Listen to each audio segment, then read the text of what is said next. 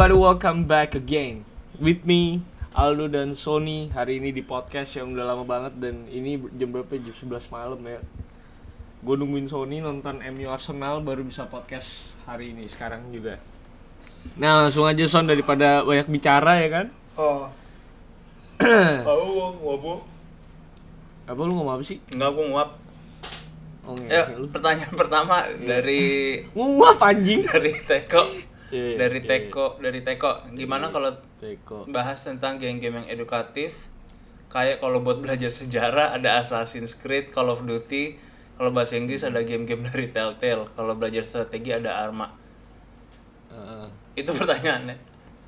itu pertanyaan yang ngentot terus gue jawab apa anjing Like, pertama, yang paling pertama ya lu jangan pernah belajar sejarah dari Assassin's Lewat Creed, game, ya. dari Call of Duty itu nggak ada yang nggak ada gila. Nggak ada historinya coy. Jadi lu jangan mikir kalau lu main Battlefield 1 itu itu menggambarkan sebagai perang Sejarah dunia pertama gitu. Itu itu nggak nggak nyambung sama sekali. Itu nggak ada hubungan dengan perang dunia pertama. Kalau bahasa Inggris ya lu bisa lah main dari game-game Telltale. Kalau belajar strategi ada arma. Enggak lu nggak bisa belajar strategi. Yang ada lu harus tahu dulu strategi baru bisa main arma kalau lu main arma tanpa tahu strategi tentang perang dan segala macam lu akan dibantai. juga lu dibantai. Iya. Jadi kalau belajar strategi ya lu belajar buku-buku tentang strategi atau pengkajian strategi itu banyak di man banyak di kampus-kampus atau di perpus juga banyak. mungkin gue rasa gara-gara di orang lihat ini ya ada apa namanya ada si Captain Blackbird gitu-gitu kali ya. Nah, jadi mikirnya jadi disangkanya beneran ya kan? Eh Blackbird lagi Blackbeard aja blackbird. Blackbird Burung mah hitam aja. burung hitam Iya lu aja. enggak itu cuman karakter asli doang coy tapi ceritanya mah bohong Iya bener. Enggak enggak enggak bisa belajar dari game deh kalau ngomongin strategi atau Iya. jangan ya Teko ya Iya, teko jangan teko. Jangan. Itu bahaya banget. jangan jangan jangan jangan jangan Terus next season Hiding New World bahas developer game-game indie terus cara bikin developer game indie tuh gimana? Terus cara step by step game indie bisa ada di Steam?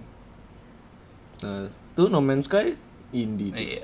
Kalau lo bi- cara bikin developer game indie tuh berarti maksudnya lo mau bikin lo mau jadi developer. Kalau lo mau jadi developer ya lo tinggal bikin tim lo atau lo sendiri bikin game aja. Udah itu Bikin namanya nama deh. indie. Iya lo in- iya, independen lo nggak ada kontrak dengan siapa-siapa semua itu tanggung jawab lo lo kapan mau selesaiin lo mau kapan rilis itu semuanya tergantung dari lo lo nggak tergantung dengan kontrak. Itu adalah indie lo nggak dimiliki oleh siapa-siapa. Betul sekali. Terus dia bilang cara step by step game indie bisa ada di Steam, Son. ya itu lo tinggal submit ke Greenlight nanti kalau udah banyak orang yang suka atau setuju dengan gamenya otomatis akan dirilis di dalam Steam. Jadi lo bisa submit ke Greenlight dulu udah gitu doang sih simple kok sebenarnya kalau kalian mau bikin game Ya asal asal jangan sakit hati aja kalau dapet sentimen negatif ya. iya kalau iya. Kayak siapa itu yang menuntut player anjing bener-bener. Oh iya, itu ntar kapan-kapan gamenya gue bahas ya, gue review deh. Bagus kok. dia. dikasih review negatif dia di- dituntut loh sama dia loh. Gila loh, bener-bener sakit anjing. Iya. Aduh. Ya, next. Dari Pharrell Williams nih. Jadi Siapa anjing? dia follow Instagram kita. Siapa ini? Pharrell. Dia Mana tai? Ada Ferrell anjing. iya ada. Nih bahas tentang game-game yang bakal keluar di 2017 dan paling direkomend banget oleh Lazy Monday. 2017. Apaan tuh? Gua gua gua nggak ingat ada 2017 ada apaan aja. 2017 yang paling gue inget itu ada Horizon Zero Dawn ya itu tapi game PS4 terus 2017 ada Outlast Outlast 2 itu 2017 Resident Evil Biohazard 7 itu 2017 kalau dibilang yang paling recommended ya gue nunggu yang franchise paling gede lah itu si siapa Resident Evil 7 deh cuma kalau Sony nggak tahu di Star apa Star Citizen ya baru 2020 kayak Star Citizen. Nggak, kalau yang kalau single player harusnya 2017. Ya. 2017. Squadron 4 itunya. Nah itu bagi yang bagi lu pada tuh yang nanya kan masalah si Sony yang mainin di pembahasan beberapa video kan mereka nanya tuh itu video apa bang game apa game apa ya itu gamenya Star Citizen Iya, iya. cuman kalau spek lu rendah sih jangan coba-coba download lah ya ya percuma juga udah gede nggak bisa play sayang kasihan ya. Kasian coy. Sedih aja. Itu spek lu mesti tinggi, hard disk lu mesti banyak ya, mesti gede. Enggak kalau yang Jadi kalau udah download kalau yang single player sih harusnya nggak eh nggak tahu juga sih gua. Kalau sekarang sih masih Eh, berat, berat, sih. Masih berat. Itu banyak yang struggling kok. Iya. Jadi lu nggak usah sakit hati Iya. lah spek lu nggak kuat kan emang banyak gitu. Iya, yang nggak kuat banyak. Jadi jangan jangan mikir Tuh, jadi jangan mikir lu tuh hina miskin enggak enggak banyak banyak banyak banyak yang trouble ya next di on Dialmac di Dialmac pengen bertanya Min apakah game CD Ori bisa diinstal ke PC lain?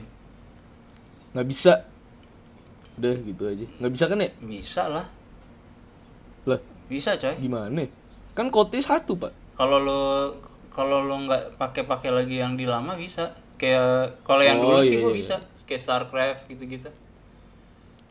Itu mah masalah ID dong. Iya kecuali kalau lu ID kalau kalau lu ganti ID nggak bisa tapi kalau lu Iya, itu install masalah di, ID iya, kan? install di PC lain Iya. bisa tapi gue ngerti nih tujuan dia ini pasti untuk install di di beberapa komputer nih Dengan maksudnya ID lain ya nggak bisa sih iya pasti kalau dengan ID lain nggak bisa nggak bisa lah bang Terus Langsung, berikutnya Valdi next. Fikri bahas soal developer nggak pernah dengerin games. Ah, mah maksudnya developer nggak pernah dengerin games gamers. Oh gamers. Hmm. Siapa ya yang suka kayak gitu ya? Apa ya? sus- Tapi susah sih kalau ngomongin developer nggak pernah dengerin gamers. Soalnya kebanyakan kalau lu bilang lu nggak deng kalau developer nggak dengerin gamers sebenarnya apa yang mereka lakukan itu kan berdasarkan pasar. Iya, apa yang apa yang lo pada mau Iya. gitu. Jadi kalau lu bingung kenapa Call of Duty ngeluarin Infinite Warfare atau Oh, kenapa masih ah. modern karena memang Karena pasarnya Iya, gitu. terbukti dari pasar. Jadi malah justru Maksud- ar- Mungkin maksudnya dia tuh sebenarnya lebih ke arah ini kali, performance issue terus storyline sih feeling gue ya. ya Kenapa jelek gitu. kalau soalnya kalau kalau kayak gini kan biasanya soalnya kan confirmation bias coy. Jadi lo mencari sesuatu yang sesuai dengan argumen lo. Cuman kalau kita ngomongin masalah apa ya nggak pernah dengerin gamers itu kan yang paling vokal itu kan sebenarnya jumlah yang minor. Jadi minority banget gitu loh orang-orang yang vokal tentang ini. Tapi kalau secara pasar secara keseluruhan sih dikit kali yang ngekritik developer. Iya. Karena buat mereka kan uang yang ngomong. Kalau misalnya ada seribu orang yang bilang bahwa ah game buluk performanya bla bla bla bla, cuman hasil kalau ngeliat dari penjualannya gede, ya lu pasti Ya, berarti iya, kan berhasil kan? Iya. berhasil. Gitu.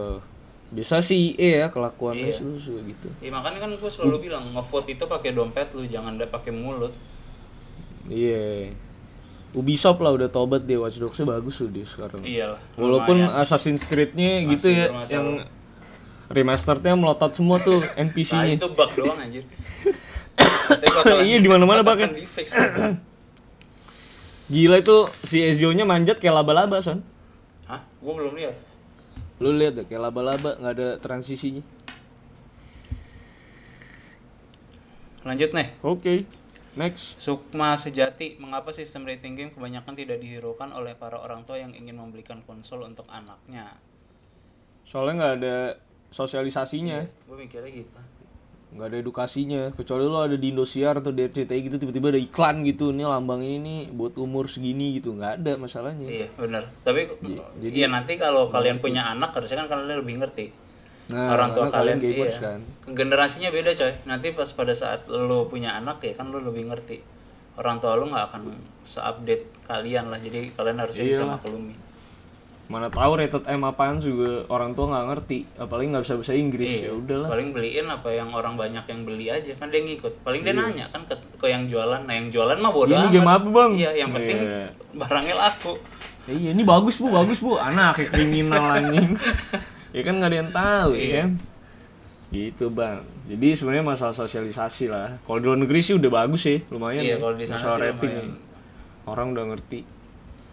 Oh di sini sih gitu. Oke, next. M Nasir M Nasir F17 game yang speknya nggak terlalu tinggi tapi bagus atau recommended Eh, Lu apaan? gua. Iya, tiga game deh tiga ya? game spek nggak tinggi tapi bagus Overwatch mau lu rendah pun iya running Overwatch kok bagus. bagus terus apalagi ya ya gue sih kalau yang ngomongin kayak gitu sih berarti ya gue cuma mainnya Dota deh kalau spek gue rendah tapi pengen gamenya bagus Dota 2 terus Sama- gitu. CS aja berat ya pas itu Ah, kita lihat di CS YouTube gua ada yang lumayan, coy. iya CS gue makanya kan lumayan kan berat parah kan karena dia makanya Intel HD anjing. iya itu yang stuttering Iya, itu ya stuttering. yang ga- gaming channel Iya. ya sadap apalagi ya gue paling game-game indie ya. apa ya Iya game indie banyak kok yang yang game indie tuh speknya rendah semua tapi bagus kok iya banyak lah kalau game game game Battle.net juga banyak kok yang bisa lu mainin. iya Iya rata-rata game Battle.net mau Diablo mau Starcraft. Mm-mm. Hots juga nggak nggak tinggi gue main di Oh iya benar-benar HOTS. jalan Di running Mac lu aja lancar kan ya? iya lancar nggak Iya masalah HOTS juga lancar kok. sebenarnya balik-balik lagi ke optimization juga sih Iya lebih ke kayak Overwatch gila gitu spek rendah aja bisa running loh Iya dia wajar lah Blizzard veteran. Iya Blizzard selalu ya Iya, Warcraft semuanya lancar lah pasti. selalu yang terdepan dia Lanjut nih berikutnya Yusuf M Iqbal. Game Ori Fisik sama beli DLC-nya di Steam. Contoh Game Ori Fisik The Division beli DLC-nya tapi di Steam. Nggak bisa, tergantung gamenya sih. Kalau kayak kalau dia larinya ke Steam ya bisa tapi kalau larinya ke Uplay doang ya lu mesti beli Iya. DLC-nya di Eh Uplay kalau lu misalnya iya benar sih. Kalau lu misalnya kayak beli The Witcher nih, kayak gue misalkan gue beli Witcher di GOG untuk DLC-nya gue nggak akan bisa beli di Steam. Soalnya kan Steam udah Iya. jadi DRM sendiri. Mm-mm, beda bang ya tergantung lu beli di mana ya belinya di DLC di situ juga Iya. gitu Kalau game ori fisik yang memang bisa untuk diactivate di Steam dan ada tulisannya, kalian bisa untuk beli DLC-nya di Steam. Tapi kalau nggak ada tulisan kayak gitu nggak akan bisa. yo man gitu coy Nih, Bonafit. Min tanya kenapa channel gaming yang berkualitas itu sedikit subscriber dan viewernya, sedangkan channel gaming yang isinya cuma kata-kata kotor, cuma asik-asikan aja subscriber dan viewernya banyak. Why? Wah, sebenarnya sih gue sering jawab nih kayak gini ya. Tapi kalau disuruh jawab lagi, kenapa gitu? Ya karena pasarnya aja belum ada. Iya. Exposure-nya masih kurang lah dan telat juga Iya. kali orang yang mesti channel yang kayak kita yang mirip kayak kita aja masih gua nggak tahu gua belum nemu lagi sih. Iya, sebenarnya makanya bilang, "Bang, tolong collab dong sama orang." Ya kita juga bingung ngajak collab siapa. Karena gue nggak nemuin yang mirip-mirip gitu. Kalau ada yang mirip-mirip kan enak kan. Iya. Eh, gue bisa lihat mereka bisa collab yang sama-sama let's play karena kontennya sama-sama let's play. Kalau kita jarang let's play terus collab let's play kan buat apa? Iya, nggak nyambung, nyambung juga. sih. Nggak ada pasarnya gitu loh. Iya paling Makanya gue bingung Iya gitu. paling kalau bisa paling kita juga kalau mau collab paling lebih ke podcast mereka kita ajak untuk iya Ajak untuk ngobrol, ajak ngobrol gitu. terus pendapat mereka gimana paling lebih kayak gitu sih soalnya Gitu. kalau mau collab yang benar-benar collab untuk bahas topik kayak gitu ya paling yang kemungkinan paling besar sih di podcast doang sih Iya, karena kebesar besarnya konten gaming kita aja memang sebenarnya untuk para pembeli, calon pembeli, untuk para buyer. iya lebih ke situ Review-review game. Nah, konten-konten gamers yang yang lu bilang ini kan sebenarnya mereka mengentertain orang yang yang sebenarnya mayoritasnya nggak mampu beli game Iya, gitu. kalau lu yang pada nonton ini kan rata-rata datang ke kita kan karena buat pengen tahu Pengen iya, beli- iya, gue beli nggak gamenya. atau gue perlu beli atau enggak atau gue beli sekarang atau nunggu diskon kan lebih ke Iya. gitu. Terlepas dari konten-konten kita yang lain ya kayak pembahasan Iya. ya. Tapi rata-rata Iya orang yang dengerin kita pasti orang-orang yang ya lagi lebih dewasa lah, makanya kan ya pasti jauh lah cara exposure-nya Iya. gitu. Tapi nanti ke depannya gue yakin channel-channel yang kayak gini tuh pasti bakal banyak lah di Indonesia harus Iya harusnya sih lebih banyak, akan lebih banyak. tuh lebih sadar lah. Oke lanjut nih ya. Gitu. Ke Wahyu. Wahyu NY10 New York nih lokasinya berarti. Bahas soal kenapa Indonesia dipandang sebelah mata oleh para developer, kenapa nggak ada developer asal Indonesia, kenapa nggak ada ajang gamer berskala besar di Indonesia. Terus nih ada yang jawab nih, namanya Lios. Gue bantu jawab bro, menurut gue aja admin boleh jawab juga nambahin. Alasan kenapa Indonesia dipandang sebelah mata oleh developer karena pemerintahan Indonesia nggak ngedukung gamers. Ingat nggak Menteri Pendidikan dulu Anies Baswedan mau ngeblokir game online? Gue nggak tahu tuh. Untuk kenapa nggak ada ajang game besar di Indonesia juga sama kayak alasan pertama. Intinya gamer Indonesia masih pandang sebelah mata sama pemerintah Indonesia. Wadaw. Eh, Nah, gue pengen bahas satu kasus ya, gue ada kasus di grup di line The Lazy Monday itu ada satu bocah asalnya dari mana gitu ya, gue lupa namanya siapa juga di grup line. Itu dia itu satu sekolah dilarang sama satgas sekolahannya untuk main game. Katanya main game itu sama dengan narkoba. Anjing Ya. sekolah di mana itu bangsa? Gue gue lupa men, ini pokoknya di luar kota dan dia bilang kayak gitu dan gue bilang sama dia, tolong satgasnya hubungin gue, suruh diskusi sama gue, gue pengen tahu dia pengen ngomong apa ya. Kalau dia bisa menang debatnya nih, dia bisa bilang itu narkoba. Ini semua nih komputer gue gue kasih dia, gue pensiun. Berarti gue pakai narkoba selama ini gue mau tobat. anjir. Karena menurut gue gak masuk akal men. Nah, itu itu itu aja udah gila tuh menurut gue tadi case Iya sih. Nah kalau dari lu gimana tuh San menurut lu? Kalau dipandang sebelah mata oleh para developer, eh gua gua nggak bisa oh, gimana ya? Maksud gua lu harus jelasin dulu nih dipandang sebelah mata oleh para developer ini emang emang emang Indonesia itu masuk pandangan mereka atau enggak? Karena kalau em- emang nggak masuk pandangan sama mereka sama sekali ya kita nggak bisa bilang bahwa dipandang sebelah mata juga karena Sama sekali nggak dipandang iya, gitu. karena Indonesia lu lu kalau ngomong Indonesia di luar negeri lu, lu tuh dianggap sebagai monyet doang gitu loh kasta yang paling rendah di dunia karena pertama ya ki- kita tuh dianggapnya orang yang nggak berpendidikan. Kedua kita tuh dianggapnya sebagai orang-orang pembajak isinya. Dan lo mau ngomong apa ke mereka tuh ya wajar kalau mereka tuh nggak peduli. Terus kenapa nggak ada developer asal Indonesia? Ada kok ada banyak kok gen- eh, developer di Indonesia. Salah satu yang paling terkenal kan yang bikin game horror anak SMA itu Oh iya, itu kan juga mereka dari Indonesia. Terus Iya, kalau itu studio-studio juga banyak di sini. Teman-teman gue juga ada yang studio dan beberapa udah keluar kerja di tempat lain. Cuman emang kebanyakan developer yang ada di sini itu dalam bentuk studio itu mereka nggak merilis game punya mereka sendiri, tapi kebanyakan itu iya, jadi game-game mereka lain. bikin lebih cenderung tuh mereka bikin game-game yang lokal. Jadi kayak misalnya untuk arcade, game-game mobil yang kalian bisa mainin di apa ya kayak time zone itu kebanyakan tuh malah developer Indonesia. Terus kalau kalian penasaran juga kayak level design atau arsitektur dan segala macam yang ada di game-game banyak di kalian udah mainin seperti punyanya Ubisoft atau EA itu banyak orang-orang kita yang sebagai third party untuk ngebangun itu. Gitu. Iya. Kalau Jadi sebenarnya developer tuh banyak, Iya, banyak sebenarnya. banyak banget sebenarnya. Cuman masalah dipandang ini ya karena kita kitanya sendiri aja nggak respect sama game-game ya Iya. gimana lu dia developer lah. mau Lu, respect. lu mau ngeluarin duit, lu ngebayar karyawan untuk setahun ngedevelop suatu game, terus tau-tau pas lu lu bangga ini punya karya negeri, tau-tau dibajak, itu Dibajak. coy. Nah. Karena game Indonesia yang horor anak SMA itu banyak yang bajak Iya, banget di tuh. Indonesia itu dibajak, dibajak. yang Dibajak tuh loh, orang dari di luar negeri semua sendiri loh. rata-rata. Iya. Gila bener-bener. Menurut gue sih udah freak ya orangnya. Makanya pasti Sony bikin pembahasan masalah pembajakan dan tani aja banyak yang kontra juga, banyak yang menghibur diri sendiri ya. Duit gua nggak ada, kurusnya kayak gini kayak gini, jelas aja gua harus bajak kayak gitu-gitu. Iya, cuman ya Ya menurut gue dari dari mental aja tuh kayak gitu. Gimana mau dipandang, Bro? iya susah. Gitu ya. Jadi ya emang harus mulai dari kita semua sih. Iya, makanya satu-satu. Iya Pak. satu-satu. Berikutnya nih M Faisal Ilham. Kenapa dengan spek begitu bisa main game-game berat sementara PC harus budget gede biar bisa main game-game berat? Ini maksudnya kenapa konsol dengan spek itu bisa main game berat kali ya? Iya, kayaknya. ya. Eh, lo mau bahas apa?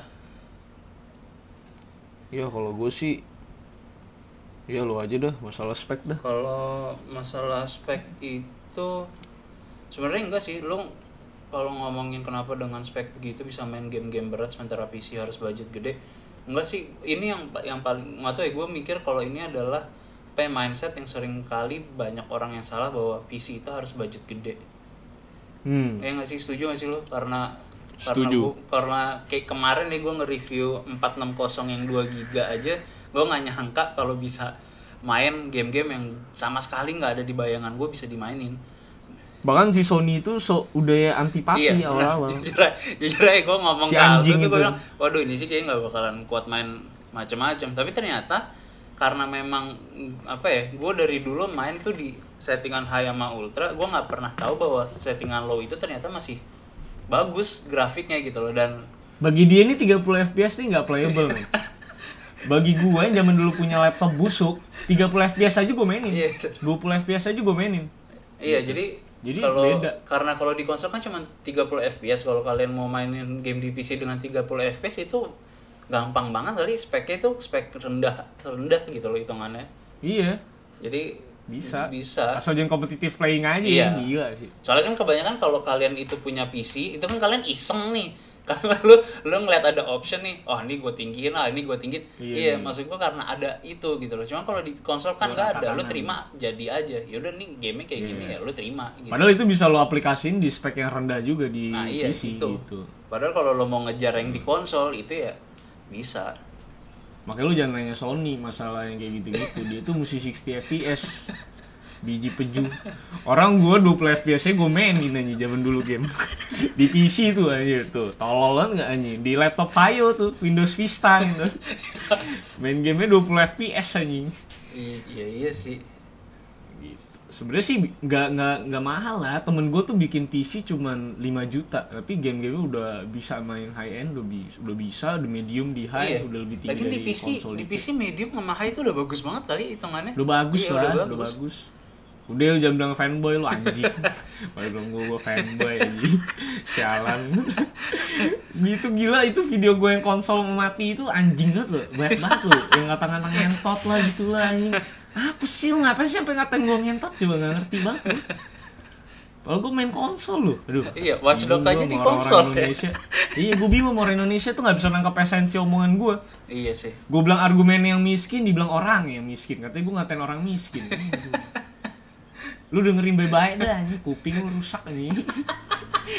iya sih oh sih gue sih males gue nanggepin yang begitu Untung udah gue sensor, gue tuh udah kasih blacklist kata-kata kotor tuh nggak bisa dipublish di Ya, iya. YouTube gue. ya kita sih pokoknya komen-komen itu yang Iya bersih Iya. gitu, mau kritik kritik bersih lah gitu. gitu mau kayak ada debat di situ ya debatnya jangan debat kusir lah Iya. yang benar-benar ada researchnya ada segala macam nah itu lah debat Iya kan, iya. Kalau cuma ngomong, ah dasar lu ngentot kan nggak jelas ya. Apa? Coba anjing, kesel gue. Aduh, lu kalau mau bacot-bacotan pahit tuh gua sama Sony tuh lebih pahit dari lu anjing. Lu, lu coba aja deh. Lu kalau mau cobain bacot di dunia nyata deh. Jangan di online. lanjut ya Lanjut. Uh, Freddy Clear ini pasti saudara nama Mercury nih Bang, saya ada saya ada pertanyaan. Apa sih fungsi loading dalam sebuah game? Pasti kita temukan dan kadang menyebalkan. Dan kedua tentang game engine, saya masih bingung. Maksudnya apa? Kenapa berbeda-beda? Ada CryEngine, Unreal Engine. Perbedaan sebenarnya di mana? Hardware kah atau software kah? Kenapa bisa berbeda? Ya gue jawabin yang loading deh. Kalau yang loading ya lu kayaknya kayak lagi di setup gitu loh dunianya loh. Semua barangnya dimasukin segala macam di rendering lah anggapannya. lah. Nanti setelah loading baru beng selesai. Makanya kalau open world kadang-kadang lebih lama karena ya namanya open world renderingnya lebih luas Iya. lagi gitu.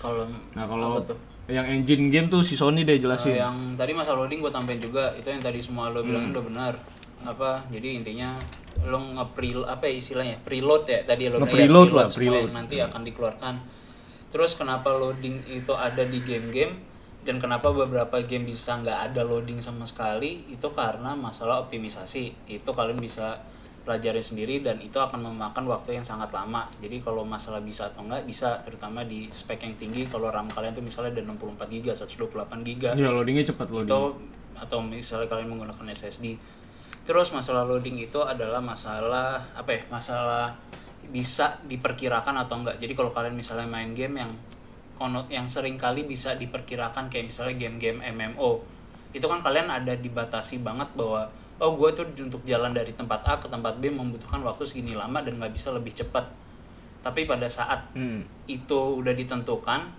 itu udah bisa menggunakan suatu sistem yang udah ada algoritmanya tapi kalau kalian misalnya menggunakan apa ya kayak yang lu tiba-tiba pindah apa namanya teleport ya teleport. kalau kalian teleport semua game pasti pada saat kalian teleport akan membutuhkan waktu loading karena itu di luar engine yang membolehkan bahwa kalian bisa pindah dalam waktu yang lebih tertentu kayak gitu intinya Tuh, justru itu hitungan sih. lebih ke hitungan sih algoritma. Terus kalau masalah engine, anggap aja engine itu masalah ke- eh, lebih kenyamanan. Ini ada yang jawab juga sih namanya Fayudi. Dia bantu jawab yang bedain satu engine dengan yang lainnya adalah bahasa pemrogramannya. Jelasinnya agak susah, tiap-tiap engine itu ada kode-kode uniknya tersendiri yang kode tersebut apabila digabungkan dengan satu sama lain jadilah grafis yang lo lihat di game selama ini. Sebenarnya sih lu bisa lihat di tipe-tipe grafisnya sih. Mereka punya karakteristik masing-masing Iya, sih. itu sih kelihatan Bisa bisa banget sih. bedain. Simple simpelnya kayak gitu aja lu bisa bedain nih yang mana ini siapa nih siapa nih siapa Iya, dan gitu. masalah kenyamanan, terus masalah apa ya opsi, terus masalah harga itu semua ada hubungannya. Jadi ya itu tentang masalah ya lebih ke masalah preferensi orangnya aja sih. Intinya gitu kalau engine. Gitu aja sebenarnya orangnya suka kayak gimana gitu. Kalau pertanyaan selanjutnya dari Ahmad Al Haddad tentang topik apakah game di masa depan bisa memiliki graphic environment yang sangat asli? Dan realistik. Juga bisa sama dengan dunia nyata. Bahkan animationnya juga sama dengan dunia nyata sehingga kita bisa melihat itu bukan game malah kita melihatnya sebagai dunia nyata. Lo mau bahas nggak tuh?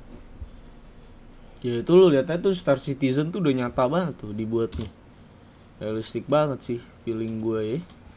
Uh, ya selanjutnya lu aja dah. Uh, kalau pertanyaan ini gue mau nanya gue mau nanya balik sih kalau yang ini. Gue mau nanya balik uh, lu bisa percaya bahwa dunia yang sekarang lu hidupi ini bukan simulasi itu dari mana udah udah jangan dipikirin ya Sony itu cuman lagi bercanda. Soalnya kalau lu nanya tentang game depan bisa memiliki graphic environment yang sudah sangat asli dan realistik sekarang kalau gue tanya ke lu lu sekarang hidup semua yang ada di dunia ini semuanya ada kalkulasi dengan matematik. Lu mau ngomongin gravitasi bisa dihitung dengan matematik. Lu mau mukul ada hitungan matematik ada velocity ada mass. Itu semua bisa diartikan dengan matematik kenapa ada 2D dimension ada 3 dimension ada 4 dimension ada 5 dimension itu kalau kalian menggunakan algoritma itu jadi 3 2 5 5 5 itu semua dalam hitungan itu hitungan matematik semua. Jadi kalau lo nanya graphic environment itu mungkin atau enggak? Gue bisa jawab bahwa ya bisa. Selama semuanya itu memiliki uh, kemampuan yang kuat. Maksudnya ada power ada processing power yang sangat kuat itu semua bisa nyata. Dan kalau kalian nanya animationnya sama dengan dunia nyata ya sekarang kalau yang ada di dunia nyata ini sekarang ini semua algoritma yang ada ini adalah menggunakan matematik. Ya jadi kalau kalian nanya bisa atau enggak? Bisa banget. Kalau kalian mau nanya bahwa sekarang gue hidup dunia yang simulasi atau enggak ya kalian pikirin aja sendiri. Kan bisa aja lu totonya adalah karakter dari sebuah game itu iya. sendiri ya lo lo kan kalian yang nonton nih pasti coba cek deh videonya Aldo yang main The Sims. Nah kalau lo anggap aja lo adalah salah satu karakter yang ada di Sims itu cuman kalian nggak menyadari bahwa kalian itu dari bagian dari suatu game. Jadi anggap aja misalnya yeah. sekarang dunia yang kita kita hidupi sekarang nih misalnya ada orang lagi main Civilization terus ditinggalin aja. Nggak dipedulin lagi gitu nggak diurus. Jalan dengan sendirinya bersama AI yang lain-lain. Nah itu. Lu kan nggak bakal iya, sadar iya, kan nggak akan sadar. Gitu. Sebenarnya banyak kemungkinan lah ini kayak apa ya, kayak Black Mirror terus kayak uh, Matrix terus uh, 13th floor. Ini topiknya kayak gini sih. Iya. Yeah. sebenarnya sih ya apa ya Sus banyak sih yang bisa lu bisa lu ketahui kalau lu sering baca atau segala macem. Bahwa ber berbagai kemungkinan tuh mungkin banget di dunia. Yeah. gitu. Apalagi kayak Sony tuh yang agnostik itu kan. Nah gitu deh. Nih lanjut nih. Pratama Pratama Patrick bahas mengapa para gamers Indo masih pemikirannya sempit dan apa nih? Pemikirannya sempit, sempit kan hingga game-game bagus tuh sampai nggak memperhitungkan Indonesia. Padahal Indo kan termasuk konsumen game terbesar. Salah nggak ada konsumen terbesar. Apaan? Iya, terma bajak kali besar. iya pembajakan terbesar iya kalau konsumen enggak. Iya enggak sama sekali. Jadi menurut gua nggak ada buying power. iya, bener. Jadi nggak bisa dibilang kalau nggak memperhitungkan Indonesia ya memang kita nggak ya, perlu dihitungin buat ya. apa? Iya nggak ada gunanya. jadi kalian jangan jangan mikir bahwa developer itu nggak mikir. Developer tuh mikir kali.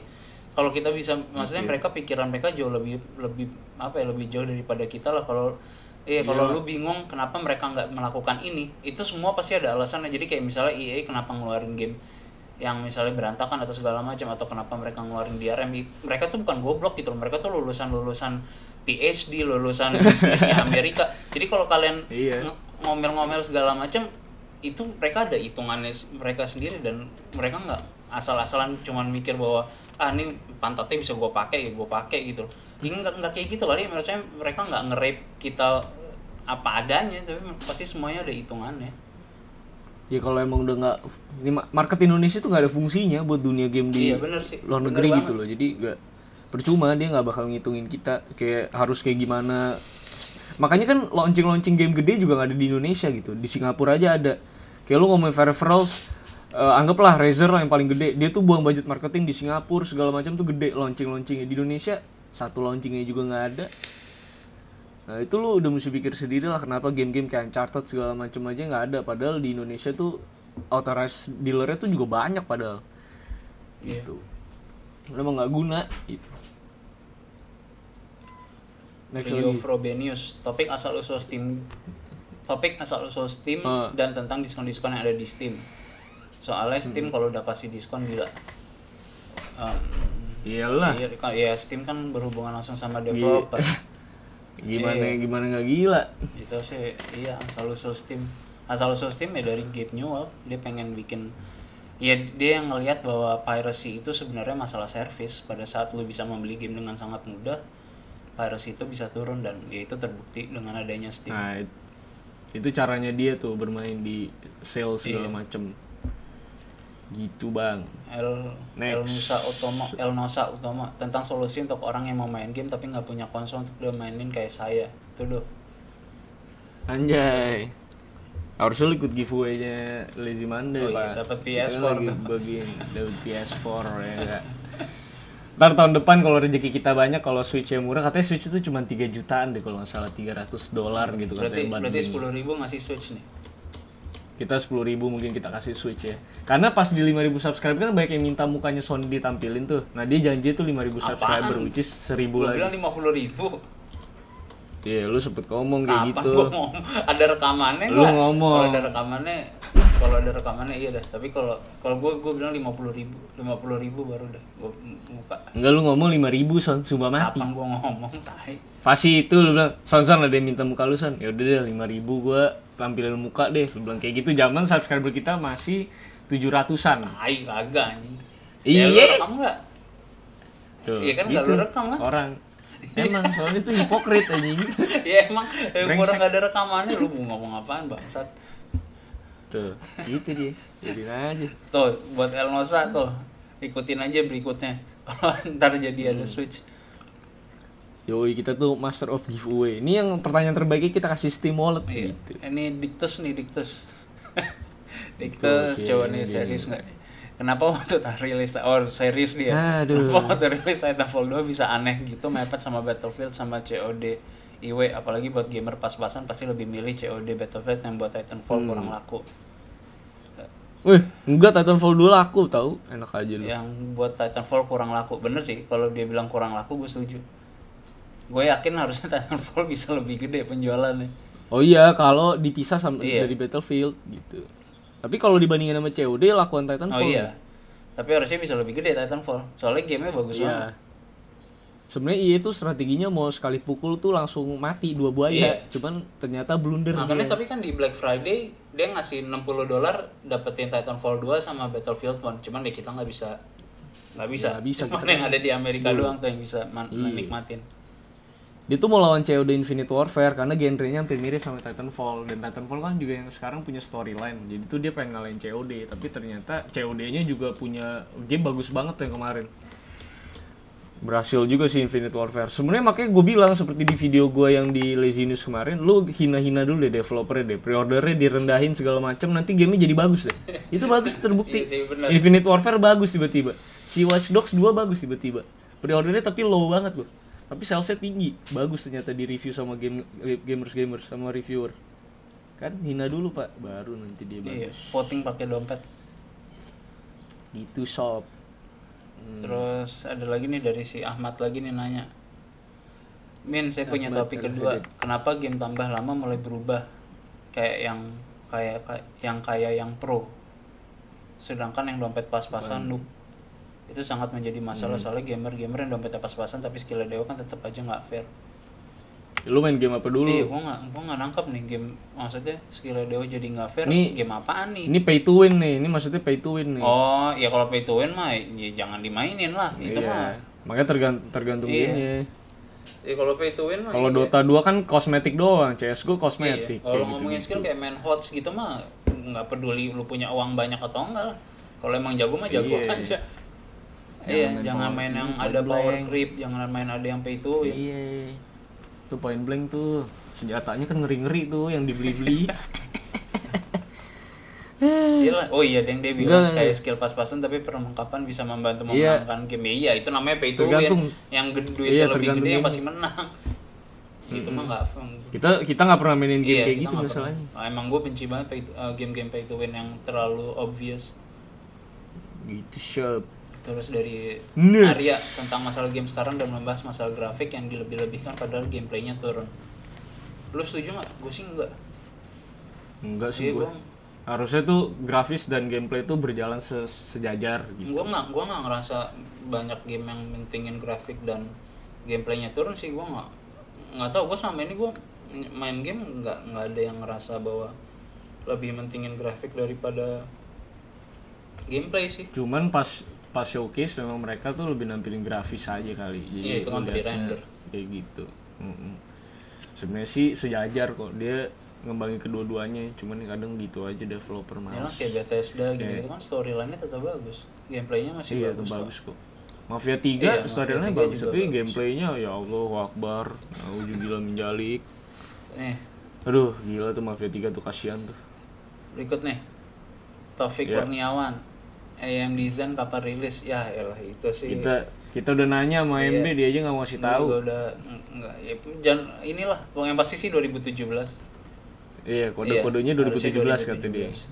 awal-awal katanya sabar aja sabar. Langsung nextnya dari Robert. Robert Shaw kenapa nih For Speed Series di Steam nggak lengkap ya? Terus adanya di mana? NFS Di di, Origin? Origins. iya di Origin dia nggak dia dia nggak keluar di Steam Iya lu bisa beli di Origin Origin Access lebih enak lagi lu bisa mainin game-game demonya dengan lama Gratis. iya game-game lamanya Jadi kalau kalian mau beli cuman segala ya macam dan sering ngasih game gratis juga kok Origin. dan salah satu yang servisnya lebih baik daripada Steam. Lo mau masalah Hmm. Terkait- segala macam itu terkait lebih refund bagus, policy iya. segala macem lebih enak Kalau Steam mah aduh hancur banget dari dulu servisnya. Ah, Padahal kelihatannya rapi Iya. ya padahal lagi dituntut 3 juta dolar sama Australia nih next Oke, nih, Davan. Nadif. Kenapa Infinite Warfare dapat respons negatif padahal gue liat trailernya bagus-bagus aja. Itu doh. ya selera selera terus kan memang memang pas di Advance Warfare aja sebenarnya udah kurang berhasil terus digilain lagi sama si COD nih sama si Infinite Infinity Infinity Ward gitu kan tapi pas dia bilang Infinite Warfare nih orang kan udah antipati sebenarnya.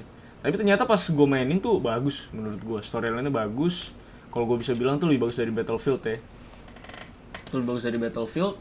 Terus memang di eh, judulnya itu ya memang sep- apa yang seperti gamenya bilang gitu Infinite Warfare bener-bener lu tuh tidak terbatas tuh medan perangnya lo sampai ke planet lain ke bulan segala macem gitu. Jadi menurut gua tadinya negatif kalau sekarang ngomong sekarang udah positif karena reviewnya di mana-mana ba- bagus juga zombinya juga bagus multiplayernya yang gua belum taruh tahu karena gua nggak mainin multiplayernya tapi kalau secara single player dulunya memang negatif tapi sekarang udah positif kok udah terhitung berhasil lah Call of Duty Infinite Warfare gitu Lanjut nih, Rido Indra. Tips pemilihan komponen komputer dan penjelasannya. Wadah. Ini panjang kali bang. Oh, ini panjang banget nih. Mau mulai dari mana coba? Kalau V- kalau kalau V- kalau VGA udah lu kasih tahu ya. Oke, udah. Ada videonya nanti kita taruh nih. Iya. Tips pemilihan komponen komputer. Hmm. Iya, ini panjang banget lah ini. Sebenarnya tergantung sih kebutuhan lu mau Iya, apa. kalau penjelasan gini mah terlalu luas. Terlalu global lu harusnya bilang gue mau desain grafis ya atau gue mainin game ini benchmarknya gue kayak gimana harusnya milihnya gitu. Ini terlalu Iya, global Susah gue. buat dijawab.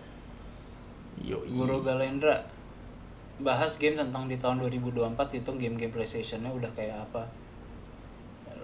Gue Wadah. gak yakin masih ada PlayStation. Iya. Soalnya si Phil Spencer aja punya Microsoft itu ditanyain apakah nanti kan ini recycle cepet banget nih PS PS4 ke PS4 Pro. Oh iya benar, cepet itu cuma makan makan iya makan dua tahun kan recycle-nya. Jadi ditanyain tuh si Phil Spencer, lu yakin nih di dua tahun lagi nggak ada konsol baru lagi setelah Project Scorpio? Si Phil Spencer aja nggak nggak bisa terlalu jawab dengan yakin. Dia cuma bilang ya kayaknya nggak mungkin lah kita bikin kayak gitu kayak gitu ya, tapi lu nggak tahu nanti tiba-tiba per tahun keluarnya nah mampus lu kayak makan ciki lu cepet beli konsol lu jadi kalau game kayak apa sebenarnya nggak bakal banyak nggak nggak bakal jauh-jauh banget dari sekarang lah Iya sih, lagian juga sekarang apaan ya? Sem- sem- semua konsol udah pakai partsnya PC masalahnya. Jadi kayak Iya. lu pas ada lu beli PC yang apa yang kecil itu loh yang apa HTPC Si Zotac, gitu Zotac. kayak Zotac. Jadi yang ITX ITX gitu loh. Kalau dulu kan emang kayak PS gitu kan mereka punya ini ada mereka sendiri Cell. Kalau sekarang mereka udah pakai AMD. Jadi Sebenarnya Zotac itu udah kayak konsol iya, anggapannya. terus kayak Steam itu kan juga kan sebenarnya orang pada mikirnya itu Iya, konsol, udah. padahal kan nggak itu kan cuma PC udah doang konsol yang kecil. gitu. Jadi kalau 2024 kayak apa ya ntar makanya ada mungkin ada streaming play segala macam kali yang gue gua mikir Iya. sih lebih ke, di ke itu bener sih ke stream. Iya, nggak usah download, tinggal main aja asal internet cepet Iya. gitu.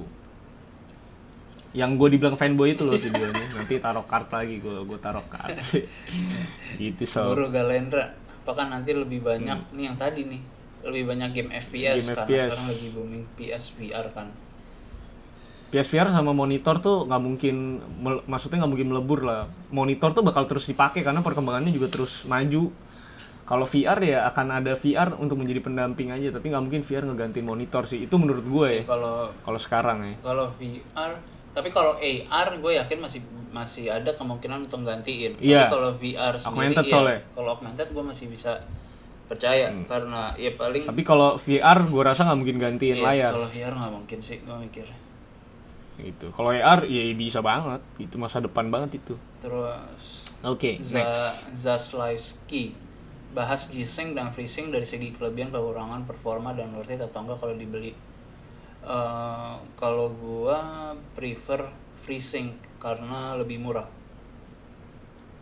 Kalau gue G-Sync biar lebih gengsi aja. ya Karena gue pengguna Nvidia asik Eh, banget. kalau FreeSync gua sih mikirnya FreeSync lebih murah dan gua kemarin nyoba di monitor gua yang sama sekali nggak ada kemampuan FreeSync itu gua unlock. Terus itu nanti bisa gua taruh di bawah caranya gimana untuk kalian pengguna AMD yang di atas seri 79 eh, 7000 itu udah bisa menggunakan FreeSync dan nggak semua monitor ya cuman beberapa monitor yang menggunakan outputnya HDMI itu bisa di unlock dan range itu tergantung dan emang efeknya beda jauh banget kalau kalian menggunakan FreeSync atau G-Sync dibandingin dengan yang belum ada kedua teknologi Hmm. Oke. Seperti itu, Bapak-bapak. lanjut Ya, Rido Indra rakit PC gaming budget 15 juta ya lu tagih tuh Sony, lu spam aja terus di komen-komen YouTube. rakit Lu gangguin aja terus. Masanya nih, kalau gua nih, kalau gua sama Aldo ya, konsep gua sama Aldo itu hampir sama sebenarnya untuk punya PC. Gu- Gua sama Aldo itu pengennya itu kalau ngebangun PC itu harus yang balance di semuanya. Orang tuh kadang kalau ngomongin yang Hmm. balance itu cuma mikirin masalah nggak bottleneck, cuman mikirin masalah Iya. di di hardware itu ya hardware Hmm. yang mereka omongin itu adalah CPU, jumlah RAM, terus sama VGA. Nah kalau gua sama Aldo Hmm. itu lebih ke universal nih. Jadi kalau gua sama Aldo dikasih Hmm. PC budget 15 juta, kita pasti lebih milih yang nggak semuanya terlalu tinggi, tapi overall gaming Tapi experience itu lebih iya, tinggi. enak gitu. Jadi Buat Iya, apa-apa jadi enak. mulai dari mouse, mulai dari keyboard, mulai dari suara. Karena emang Hmm. gue sama lo itu apa ya menekankan banget bahwa kepentingannya audio tuh seperti apa. Iya. Penting banget audio Gue aja. berdua tuh sama. Jadi gue lebih baik nggak usah terlalu ultra banget grafisnya tapi enak soundnya Iya. gitu loh. Soalnya banyak banget orang tuh mikirin bahwa oh grafik itu harus bagus banget, cuman Iya, tapi kalau speaker kalau- kerecekan kan misalnya anjing. headphone atau speaker lo hancur, itu rusak men semuanya. iya, iya gaming experience lu Iya, tuh nggak ada experience lu gitu. tuh nggak dapet jadi kalau makanya gue kan masih bingung gitu loh orang mikir kayak iya kalau 15 juta ya bisa aja cuman paling gue mikir gue akan bikin versi 15 juta yang yang lebih ke rakitan TLM gitu loh Iya, iya kita mentingin misalnya dual monitor gitu Iya, atau buat apa. kerja, Lebih kita ke situ macam. gitu loh. Yang penting ke depannya Iya. enak gitu. Nggak usah terlalu apa yang harus 1080 lah apalah nggak nggak perlu-perlu banget iya sih bener sih menurut gue. yang penting sih nah, Lu kan kalau lihat kan budget sultan gitu langsung lo klik gitu videonya kan. Sebenarnya tuh nggak harus harus kayak gitu-gitu iya, banget. apalagi kalau orang sering sering banget tuh konotasinya kalau gaming itu semuanya harus yang berbau gaming gitu padahal kan sebenarnya enggak Enggak padahal. Nih, ya, ini juga harus di Sony bahas memang gimmick gaming sama yang biasa itu Oh iya gimmick apa. ya istilahnya itu sebenarnya gimmick ya. Iya, gaming gimmick, tuh kata-kata iya. Sebenarnya- gaming tuh gimmick ya tambahan gitu iya. Iya. Untuk orang beli, padahal efeknya tuh nggak terlalu ada Iya sih gitu. benar. Gimmick aja sih sebagai ya kayak 4K lah, itu 4K itu gimmick lah. Bisa dibilang Enggak lah anjing. buat ngejual. Maksud gue tuh menjadi apa ya Oh, namanya? jargon, Lu jargon bilang ya? PS4 Iya, Pro, jargon. iya jargon gitu. PS4 Pro gue 4K Iya. nih. Ya, itu kan maksudnya gimmick kan yang dijual kan. Oh, iya, Padahal totalnya upscale T-Flops. anjing. T-Flop kan sekarang Iya. jadi gimmick. Itu gimmick aja. Iya, 60 flops si Phil Spencer bisa bilang Iya. kan. Itu jadi jadi jadi gimmicknya aja gitu loh, jadi jargon mereka. Padahal aslinya tuh juga nggak kayak PS4 Pro kan nggak nggak native 4K semua. Iya, iya benar. Malah dibilang cuma high performance aja sebenarnya di 60 fps di 1080 tapi gitu. Native 4K nggak hampir ap- dikit banget nih katanya. Game-game lama doang yang bisa native Ya, 4K. tapi setidaknya di kalau PS4 lu Pro. beli, beli PS4 Pro setidaknya lu udah mulai setara dengan banyak PC gamer PC. lah gitu loh. Lu Hmm. bisa main di Hmm. Karena Sony aja kesulitan nih ngebangun spek yang mirip sama si PS4 Pro. Iya. Karena kan dia pakai sistem checkerboard rendering itu yang baru Iya. punya si lagian juga sistemnya Sony. Lagian kan kalau lu mau bandingin sama konsol kan emang konsol kan ngejual hardware itu kan rugi sebenarnya. Jadi emang Mm-mm.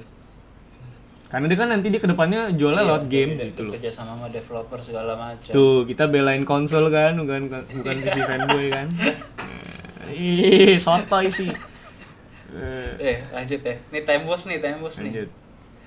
Tembus. Gue mau Demi dapat Steam Wallet nih nanya nih. Kemarin nggak ada nih. gue mau gue mau beli VGA depannya tapi selalu dipusingkan dengan merek-merek contoh VGA 1050 aja ada puluhan merek seperti Zotac nggak ada puluhan juga bos Lundin di kagak sampai puluhan Zotac, Digital Alliance dan lain-lain belum lagi ada yang Thai ada yang mungkin bisa dibahas tips dan trik memilihnya terlebih bagi pengguna awam Iya. Kemarin soalnya kemarin soalnya dia nanya Apa? son di grup bedanya bedanya merek-merek merek-merek itu apa sih gitu.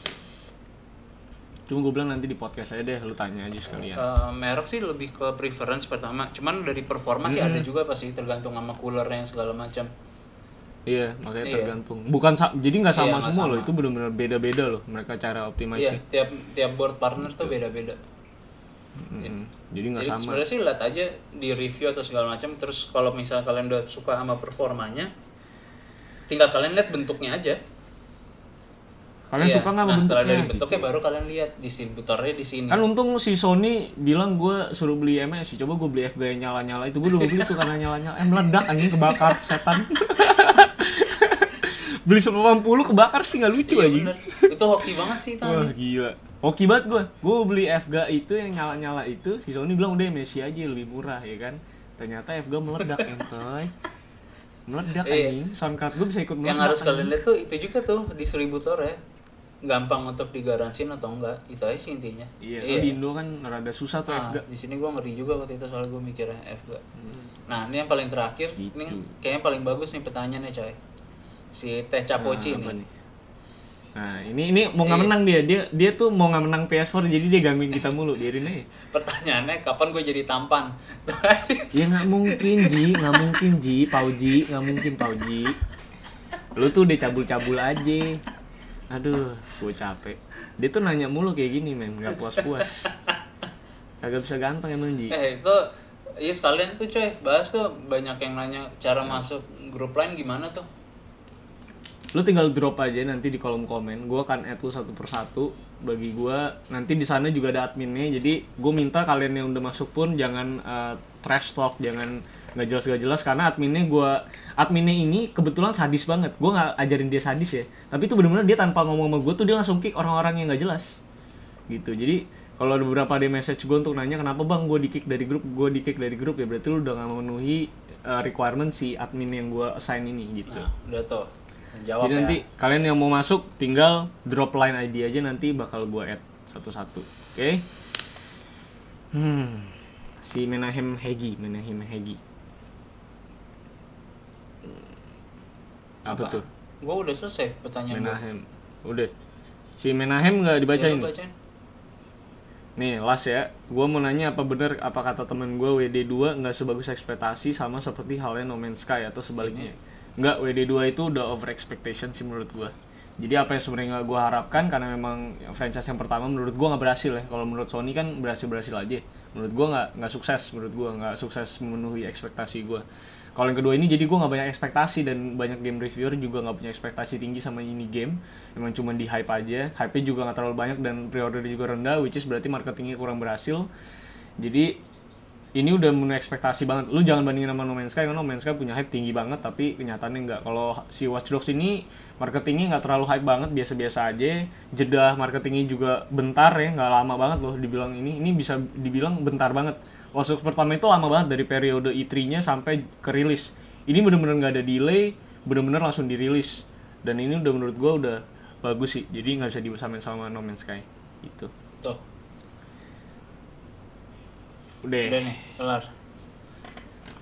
Kelar. Sudah. Itu adalah semua pertanyaannya. Dan menurut lu pertanyaan siapa yang terbaik? Pertanyaan terbaik yang itu yang tadi gua logo sih. Yang tentang simulasi. Ya.